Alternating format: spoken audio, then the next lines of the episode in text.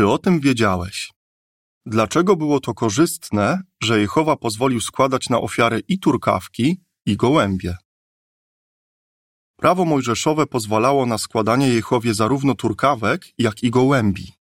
W przepisach dotyczących ofiar te dwa ptaki zawsze wymieniano razem. Izraelita mógł ofiarować albo jednego, albo drugiego. Dlaczego było to korzystne? Między innymi dlatego, że turkawki nie zawsze były dostępne.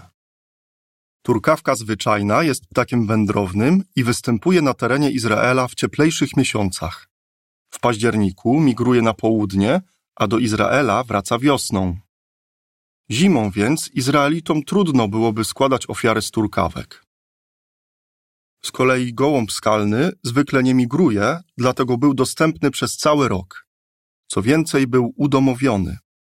Książce Rośliny i zwierzęta w Biblii napisano: W Palestynie gołębie hodowano w każdej wiosce i miejscowości.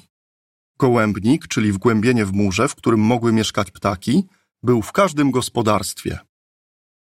To, że Jehowa przyjmował od Izraelitów ofiary z ptaków dostępnych przez cały rok, świadczyło o jego miłości i rozsądnych oczekiwaniach. Koniec artykułu.